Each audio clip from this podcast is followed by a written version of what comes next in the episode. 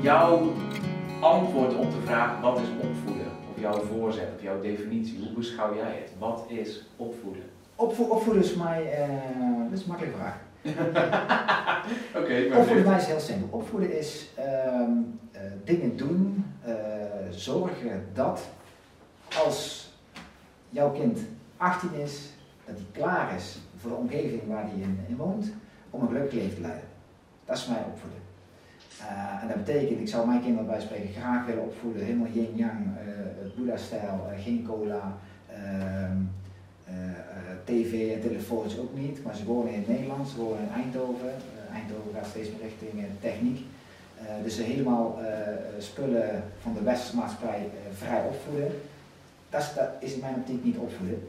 Ehm, klaarmaken voor de omgeving waar ze in terechtkomen. Ja. Alleen opvoeden, dat gaat niet. Er zit ook nog een zorgfactor bij, maar dat is voor mij wel een compleet ander hoofdstuk. Uh, dus dingen leren, uh, meenemen naar buiten, uh, zorgen dat ze als je met kinderen praat, al in het begin, dat ze zelfstandig boodschappen kunnen doen. Dus, dus geef ze, ik heb al een paar keer zo'n voorbeeld genoemd van, geef ze dan niet, als ze een boodschap alleen mogen halen, 5 euro mee afgepast, maar geef ze gewoon 50 of 100 euro mee. Dat ze die verantwoordelijkheid ervaren en dat ze het geld terugkrijgen. Dat ze alleen over moeten steken. En opvoeden is dan dat je ze niet meteen een snelheid over laat steken waar de risico's verschrikkelijk groot zijn. Mm. Maar het eerst hier bij een overbuurvrouw iets halen of iets doen. En dat zo uitbreiden totdat ze uiteindelijk ja, zelfstandig kunnen wonen. Ja. Uh, en niet alleen de fysieke, hè, boodschapjes doen en uh, een baan hebben, maar ook dat ze om kunnen gaan met de teleurstelling, om kunnen gaan met uh, dingen die, die wel heel snel en goed gaan, maar niet naast zijn schoenen lopen. Ja. en dan heeft het te maken waar jij denkt dat je kind terechtkomt uh, want we hebben natuurlijk zitten hier in Nederland, heb je een andere cultuur dan als je naar uh, Azië zou verhuizen of, of, naar Engeland of Amerika. Ja, andere normen en waarden centraal ja. ja. Ja, En dus ook, ook uh, je kinderen om leren gaan met, met deze tijd van, van overvloed. Op een van die dingen die ik vroeger probeerde met mijn kinderen. Ik ben opgevoed dat als dan een bord niet leeg had, dan zei mijn moeder, een kindje in Afrika.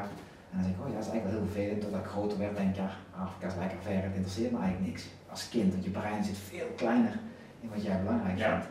Uiteindelijk kwam ik erachter dat het heel moeilijk was om mijn kinderen te leren eh, omgaan met, uh, of in ieder geval bewust te maken, dat ergens anders op de wereld veel minder eten is, scholen anders zijn. Ik heb de kinderen een keer meegenomen uh, met reizen, een van mijn bedrijven, dat maakt het makkelijker, maar naar Kenia. En we zijn naar Marokko geweest, maar ook naar China, met de rugzak, dus nog heel klein waren. Uh, maar toen dacht ik eigenlijk, hoe kan ik nou mijn kinderen uitleggen, als ze een volle koelkast altijd hebben, uh, dat ergens anders het anders is. En reizen was een onderdeel, maar nog steeds, wij hebben hier geen tekort aan eten.